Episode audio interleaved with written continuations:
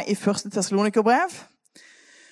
Og eh, bare for å ta litt eh, Jeg fortalte jo litt forrige gang om eh, Tessalonikerbrev, og jeg har jo skjønt mer.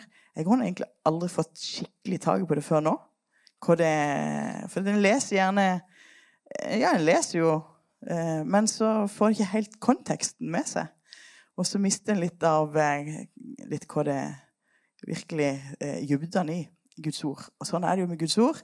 Jo mer du dukker i det, jo dypere skjønner du at det er. Så til å begynne med så tenkte jeg at det, første Tessaloniker kan gå veldig fint å både ha to, kapittel to og tre. For jeg følte det var så grunt vann. Men jo mer du leser, jo dypere blir det. ja, så eh, vi kunne ha brukt mange flere ganger på det. Men nå, nå prøver vi.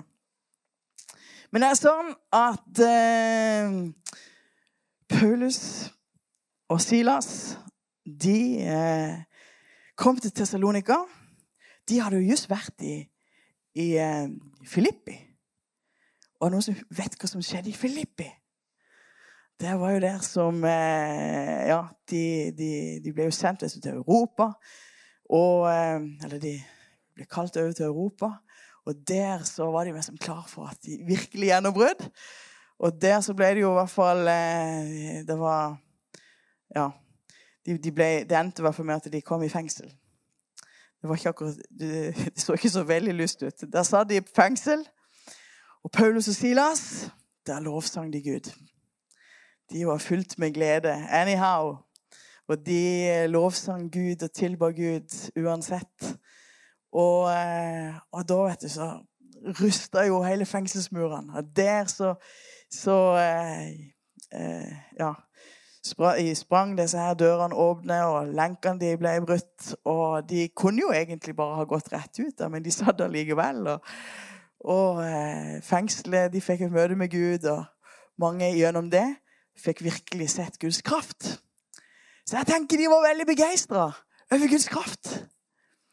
Og De kunne jo sikkert ha valgt at ja, men ok, det gikk akkurat. Vi får komme oss hjem igjen. men de fortsetter vet du, med evangeliets kraft. Og så er det til Tessalonika. Og her så kommer de og er der. Og så eh, snakker, sa hun dette her på ungdomsmøtet. De var der De var, fikk ikke vært der så lenge. Faktisk var det bare tre uker. Altså Det står egentlig bare tre sabbatsdager som de var der og samtalte. Tre, tre eh, eh, søndager. Tre, eh, tenk at jeg var her på tre møter. That's it. De hadde ikke visste ingenting om Jesus før det. De var, han oppsøkte jo jødene, så det var en, en del jøder som, som tok imot. Men det var òg grekere, og det var eh, fornemme kvinner, står det. Um, hva det nå betyr, jeg vet ikke. Men um, kvinner, i hvert fall. Og så, som tok imot Jesus. Men de, de De må ha vært så, sånn Ja, de fikk virkelig tak i det. Tre møter, tre søndager. Så oppstår det jo en sånn en eh, Disse andre jødene som de likte ikke dette her. Dette her var jo ikke bra. Og de Det ble opptøy i hele byen. Og de Da, vet du så det er en som heter Jason. Jason. Har du lagt merke til Jason? Nå er jeg i Apostelens gjerninger 17, hvis dere lurte på hvor jeg var. tar dette herifra. Men Apostelens gjerninger 17. Og Der var det en som heter Jason. Og Han var en som hadde åpna heimen for Paulus og Silas. Eh, for iallfall så oppsøker de Jason der han bor. Og, eh, og en skjønner da at eh, de, var, de dreget da, som står i apostelen, hvordan de sleper han med seg. Så hvordan de ser for meg hvordan de, de sleper han etter jorda omtrent. altså det, Og får han med seg. Og så kommer de til bydommeren der, og så sier, sier de at det, de som oppvigler hele verden, de er jo kommet hit! og det er skikkelig sånn disse trenger Ja, disse må vi bare få vekk fra byen. De skal ikke få, få lov til å ha noe å si her. Men ja, sånn, vet du Han, han, han stiller seg opp der og, og Det kan godt være de ville ha steina de med i gang og ville bare måtte gi Ja. Men der så, så står det at han, han eh, gir en kursjon. Vi gir i hvert fall noe sånn at de slipper løs. At de kan, kan, gå, videre. Så det var ikke akkurat den beste mottagelsen som de fikk i den byen. Og klart, når Paulus da eh, reiser tilbake igjen, eller reiser videre, og så kommer de etter hvert til Aten, så så ser en da, når en leser da i første Tessalonikerne, eh, to og tre spesielt, at oi, han, han, er så spent på hva skjedde egentlig i Tessalonika. Han drømmer om og tenker på dem, og det er det han Det står dag og natt står det at han minnes, minnes dem og ber for dem. For hva skjedde egentlig? Hva var det han egentlig fikk gitt dem disse tre eh, søndagene, sabbatsdagene, som han eh, Ja eh, som, ja, Det var jo så mange ting han ville ha gitt dem. Det var så mye mer han ville ha sagt. Det var så mye mer han ville ha gjort der. Men andre plasser så var han jo i mange måneder. Eh, mens der så fikk han vært der tre dager, egentlig, og ja, gitt dem noe. Da reiser jo Timoteus, sender Timoteus til dem. Og så eh, kommer Timoteus tilbake igjen til Paulus og sier det står veldig bra til. De har virkelig fått tak i evangeliet. Og eh, det forteller meg noe om at det er en vanvittig kraft i evangeliet. La oss lese det som står først i, i um, første versene der. Da står det Dere vet jo selv, brødre, når jeg er i første Tessalonikeren 2. Dere vet jo selv, brødre, om den inngang vi fikk hos dere, at den ikke ble forgjeves. Enda vi like før hadde litt og var blitt mishandlet i Filippi, mm, det, det vi snakket om, som dere vet, fikk vi frimodighet i vår Gud til å forkynne Guds evangelium til dere under stor strid. Det var en sånn brann for evangeliet. Sjøl under prøvelse, sjøl under motgang, så ønsker de bare å gi de evangeliet. Eh, og jeg vet ikke hva, hva Brenner det i ditt hjerte for evangeliet? Evangeliet, ja, det forandrer våre liv. At Jesus døde for deg. Jesus, han tok på seg din synd. Vi har delt nattverd, og vi snakker om korset. Og korsets kraft, evangeliets kraft, det er stort. Som eh, Ja. det forvandler. Enkle evangeliet, men det er det som er kraftig. Jesus. Det han gjorde for oss. Så ser vi videre da at de eh, Da står det litt om hvordan de kom dertil. Og som kan være en veldig sånn god greie, spesielt eh, når en eh, ja, kjenner når, når en forkynner, men, men jeg tenker alle kan få noe ut av det. Om hvordan en, en skal være, oppføre seg eh, i møte med andre. Når en kommer med evangeliet. Og det gjør vi jo alle sammen. Da står det at vår forkynnelse skyldes ikke villfarelse eller urenhet. Den kom ikke med svik. Men ettersom Gud har funnet oss verdige til å bli betrodd evangeliet, så taler vi ikke som de som vil behage mennesker, men Gud som prøver våre hjerter. Klart Det viktigste det, det er å kunne da tale og være til behag, ikke for mennesket, men for Gud, først og fremst. Han prøver hjertene.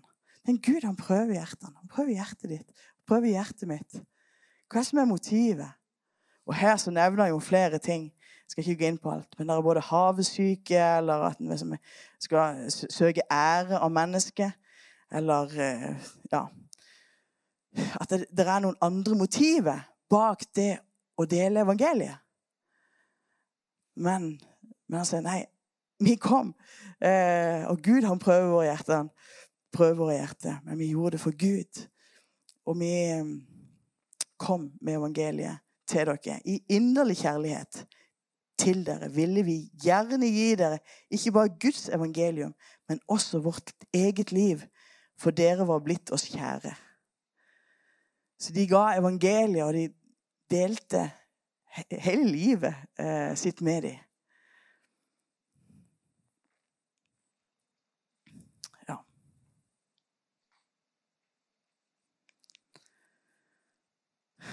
Og Der ser en hvordan Guds evangelium det virker i dem med kraft. Det står i eh, 13, 2.13. Derfor takker vi også alltid Gud for, det, for dette. Da dere fikk det ord som vi forkynte, tok dere imot det. Ikke som et menneskeord, men som det i sannhet er. Som Guds ord, som virker med kraft i dere som tror. Lar du Guds ord, lar du evangeliet virke i ditt hjerte? Tar du imot det? Det er mange måter å lese Guds ord det er mange måter å høre Guds ord på. Og du kan høre Guds ord og allikevel ikke ta imot det. Det minner oss jo om, eh, om en lignelse som jeg kom til å komme inn på. ikke sant? Der de hørte. Men det, det ble ikke til, til, frukt. Det ble ikke så de god jord. Og hvor viktig er det ikke at evangeliet det blir sådd virkelig Og vi tar imot evangeliet, tar imot Guds ord. Vi leser Ja, det første er jo å i det hele tatt lese. Men når du leser, og når du hører forkynnelse, ta imot uh, det i ditt hjerte.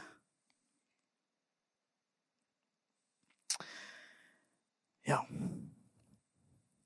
Er dere med? Kan være litt stille i dag, men det, det går greit. I 1. Tessalonika 3 så kan du trekke fram noen bibelvers der òg. Og der står det eh, i vers 5 Da jeg så ikke kunne holde det ut lenger, sendte jeg bud for å vite hvordan det sto til dere med deres tro, om fristeren skulle ha fristet dere, slik at vårt arbeid ble forgjeves. Og det ser jeg hvordan de virkelig lengta etter ja, og De kunne ikke holde det ut lenger. Han sendte bud, han sendte Timoteus for å vite hvordan det sto til med dere. Og så står det om fristeren skulle ha fristet dere. Og det kunne jo virkelig ha Jeg skjønner hans uro på det. De hadde vært der så kort tid. Og hva hadde skjedd med dem? Ikke var det noen måte å holde kontakten på, annet enn at vi måtte, måtte komme der fysisk og se hvordan det gikk. Måtte sende et bud. Eh, og hvordan sto det til? Og det er sånn, Hvordan står det til med deg? Hvordan hadde det stått til om du hadde fått greie på Eller du hadde fått evangeliet kun eh, disse tre dagene? Eh, hadde du holdt fast? Hva hadde skjedd med deg? Nå har du kanskje vært, vært på 10 000 av møtene. Jeg vet ikke. 1000, jeg vet ikke hvor mange møter du har vært på, om du klarer å regne ut det. Men hva, hva eh, Allikevel så vet vi at det er en som vil prøve å få oss vekk ifra eh, gleden i Jesus. Få oss vekk ifra livet vi har fått i Han. En eller annen måte vil fristeren Vi blir jo kalt for fristeren. frister dere vekk. Og det ser kanskje så fint ut og bra ut med en gang med første øyekast. Men så skjønner en at det er jo ikke det Gud vil. Um, om det er synd, eller om det er eh, at en bare beveger seg vekk ifra, ifra Gud. At ah, jeg tenker, Det er ikke så nøye Ikke så nøye om jeg ikke kommer på møtene så ofte. Eller det er ikke så nøye med om ikke jeg leser hver dag, annenhver dag, eller eh, og så ble det kanskje en gang i uka, eller så ble det kanskje en gang i måneden. eller så var det, Jeg vet ikke hva tid jeg gjorde, men altså, en, noen, en blir på en måte litt, litt og litt lenger vekk. Blir frista vekk ifra det som Gud ville og vi skal lese dette Ja, vi hadde en gøy opplevelse, forresten. Eller mi, sier jeg. Jeg hadde ikke det. Men uh, Knut Daniel og ungene, de kom hjem, så Det var på torsdag. Da sto det en hønsehauk i uh, hønsegården. Og den hadde forstått der en stund, tror jeg.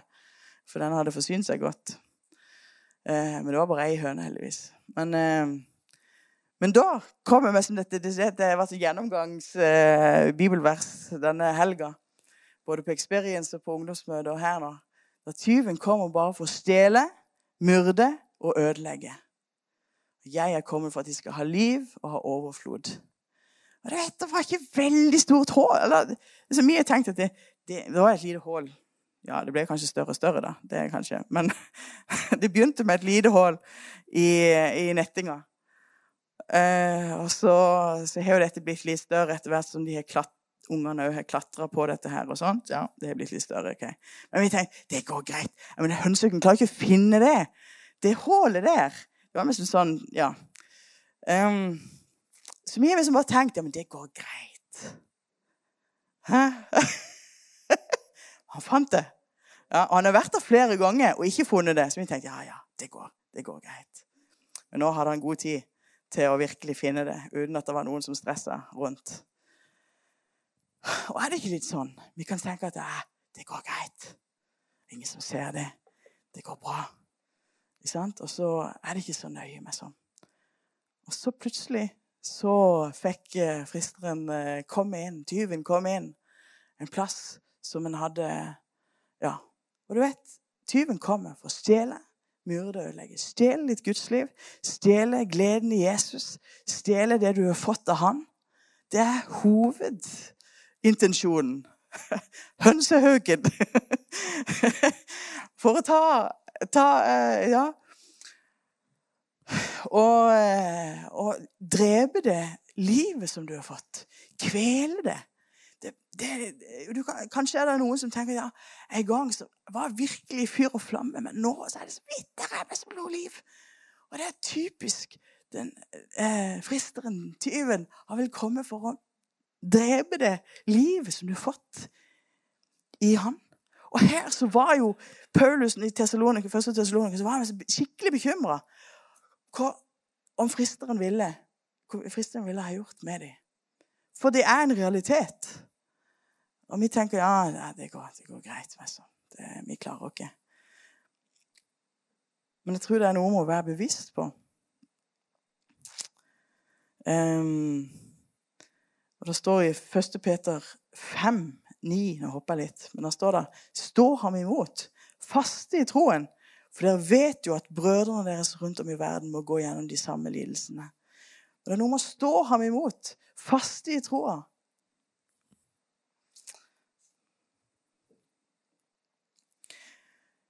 Den lignelsen som jeg vil tro at eh, han eh, Paulus tenker på her når han snakker om fristeren, det er i hvert fall en av de som det kunne vært, det, det er lignelsen om såmannen. Jeg tenkte vi skulle bare lese det som står om forklaringa i Markus 4, 15-19. Så står det Såmannen sår ordet. Dette er forklaringa til lignelsen. Men de ved veien av de som ordet blir sådd i. Og når de har hørt det, kommer straks Satan og tar bort ordet som er sådd i dem. Og på samme måte som de blir eh, Ja, dere ta det først. Noen de får eh, høre Guds ord, men med en gang så blir de tatt ifra dem. På samme måte blir sådd på steingrunn. ok? Der er det eh, noe jord, så der er vi som muligheter for, for, for, å vokse. Og der står jo det at det, det, er de som straks tar imot ordet med glede når de får høre det. Men det er ingen rot i seg og holder bare uten tid. Når det kommer trengsel eller forfølgelse for ordets skyld, faller de straks fra. Og det er i hvert fall opp gjennom tida når en har vært ei stund her så har en jo sett folk som virkelig tatt imot Jesus, og de var bare så brennende. Eh, og de var så med. Og så er det kanskje noe av dette her. Det holdt det bare ut ei lita tid. For eh, det havna på steingrunn. Altså og når det kom litt motgang, eller det var noe som forandra seg i omgivelsene De flytta vekk, eller det var ting som skjedde. Noen skuffelse. Det var trengsler på en eller annen måte så eh, de, falt de ifra. Og det var på en måte, Hvorfor? Ja, for det var ingen rot. Det så kanskje fint ut på overflaten, det så ut som, men det var ingen rot der. Og Det vil jo si at det er hvor utrolig viktig det er at vi, vi får rydda vekk disse steinene, så at det, det blir Det er rydde. Ungdommer, det er så viktig at dere får rydde som gjør at dere holder. Så når det blåser, når det stormer, når det er ting som Ja, folk rundt sier at nei, det, hvorfor tror du på Jesus? Og det er jo gammeldags. Og, så, så, er det noe som står fast. Nei, men jeg, jeg tror på han, og jeg kjenner han. Og det er, en rot som er, er djup, som gjør at den står fast, sjøl om det stormer rundt. Andre igjen, står det i vers 18, er de som blir sådd blant torner. Det er de som hører ordet, men verdens bekymringer, rikdommens bedrag og lyst til andre ting kommer inn og kveler ordet, så det blir uten frukt. Og Jeg tenker Det er veldig mye av det som skjer i, i Vesten. Jeg tenker i hvert fall veldig i den retninga. At det, det virkelig blir sådd. Det blir sådd mye Guds ord. De hører Guds ord, hører ordet, men verdens bekymringer, bekymringer for alt som skjer, eh, og bekymringer ja, gjør at det kveler ordet. Rikdommens bedrag. Mm -hmm. Kan vi kjenne oss igjen i det i Norge? Ja. At Ja, det er et bedrag. Eh, det, er, ja, det, det, er fint å ha penger, det er fint å ha, fint å ha en jobb. Og, ja, det, det, er bra. Men hvis det blir altoppslukende, så det, så det er et bedrag. At det er liksom det om å gjøre å skulle, skulle bli rikest mulig, og plutselig så er du blitt fanga inn i det bedraget. Eh, og det kveler ordet, så det. Lyst til andre ting. Ja, ja, vi har lyst til andre ting. Men når det kommer sånn at det blir viktigere enn Gud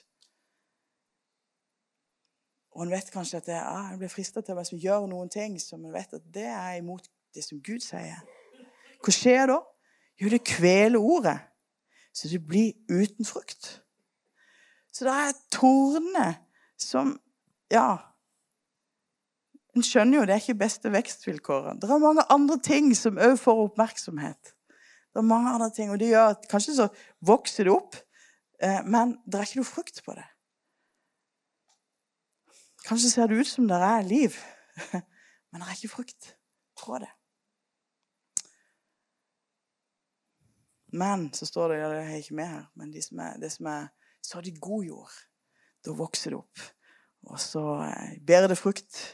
Noen 30 og 60 og 100 fold. Og det er Det la, Ja, det taler til meg, i hvert fall. Pass på at vi lar det eh, falle i god jord. At disse andre tingene ikke plutselig får eh, større både ja, oppmerksomhet og større plass. Men at det er Guds ord som får plass. At det er godt jordsmonn for Guds ord i hjertene våre. For det gjør at vi vil stå.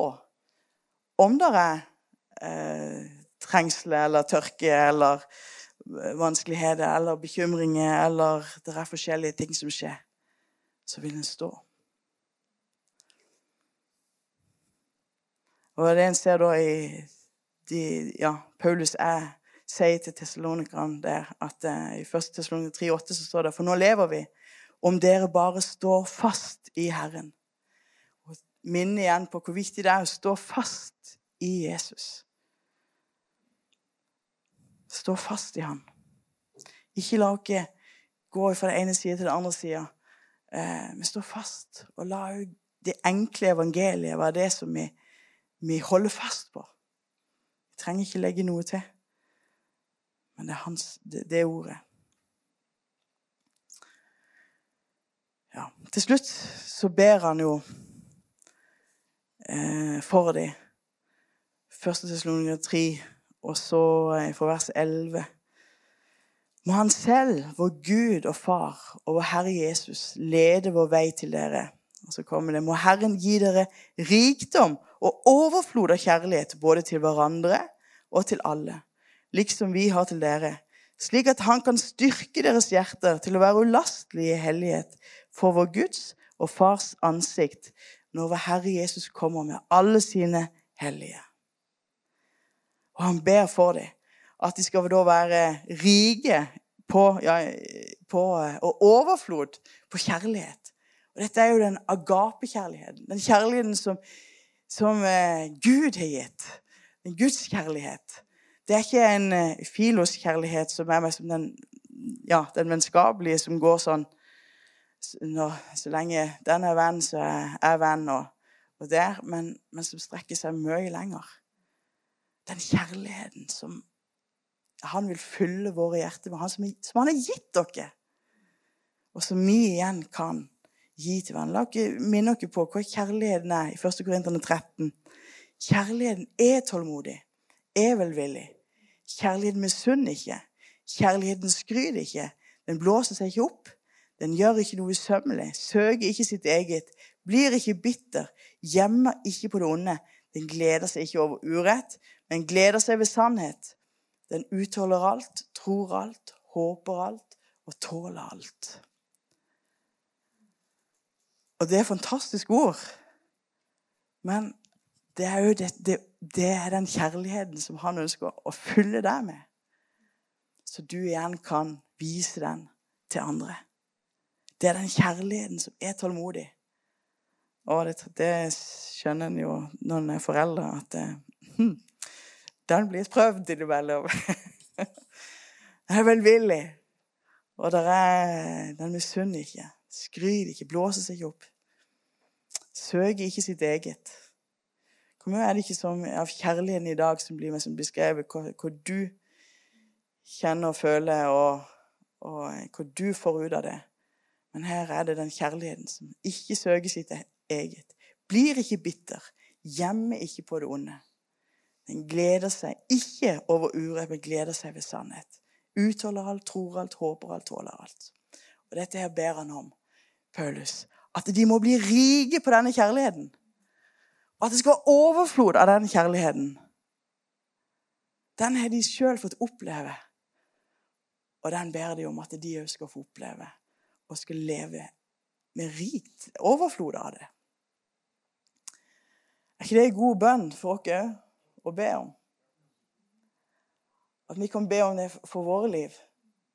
At det skal være rikdom Rikdom og overflod av kjærlighet. Altså det snakker ikke om rikdom på penger, altså, men rikdom på kjærlighet. Og overflod av kjærlighet. At det skal fylle våre liv. Og at det skal fylle menigheten. Philadelphia heter vi. Som broderkjærlighet. La det være fullt av Guds kjærlighet iblant dere. Amen. Så la ikke være eh, Denne her, tenk de, Når jeg tenker på denne her, så, så, så, skjønner jeg jo Det står jo ikke vekkelse her, men samtidig så er det sånn her De kom der med en sånn en, en eh, brann for evangeliet. Det gjorde at de ble så satt i brann sjøl der for evangeliet. Og som gjorde at om det gikk måned, år Jeg vet ikke hvor lang tid det gikk. Men i hvert fall så sto de fast. Og de bare holdt fast på det de hadde fått. De, de, hadde ikke Bibelen. de hadde ikke, Hva hadde de for noe? De hadde de ordene som eh, kanskje, hvis det var heldig, noen hadde skrevet ned til dem. Og de huska meg, som minner seg hva de sa for noe. Ja, Så hadde de kanskje de, eh, Gammeltestamentet og kjente til det. Og, kunne, og så hadde de Men det viktigste var de hadde fått tak i evangeliet. Og så hadde de fått tak i Den hellige ånds kraft i sine liv. La oss holde fast. La oss stå fast. Og la oss være fullt av hans kjærlighet. Mm. Jesus, takk for du er her. Du ser oss alle sammen, Herre. Du ser vi bare trenger deg, Jesus. Takk for at du kom. Ha. Takk for at du var ikke ute etter å, se, eh, å finne de perfekte. Men du kom til syndere. Du kom til, til, ja, til alle som bare trenger det. Og vi sier vi kapitulerer sjøl. Takk for evangeliet. Sånn at det, det, er ikke eh, hvor mye vi sjøl klarer, men det er hva du har klart. Hva du har gjort. Og vi får lov å leve i den kraften som evangeliet er. At du har gjort det. At du har gitt dere nytt liv. At du har gitt dere et oppstandelsesliv på innsida. At du har gitt dere kjærlighet. At du har gitt dere nåde. Takk, Herre. Så takk for du er her nå. Og du, Herre, kommer her med din fred, med din kjærlighet, med din gjenoppreisning. Og far, du ser til hver enkelt om det er noe som eh, på en eller annen måte har blitt mindre av, eller eh, ja, ikke samme brannen, eller ikke samme kjærligheten, eller ikke samme fokus, Herre, så takker jeg for at du i dag kommer. Og du bare rører med hver enkelt. Takker for din berøring, Herre. Det, det forvandler liv. Takk for det, Jesus.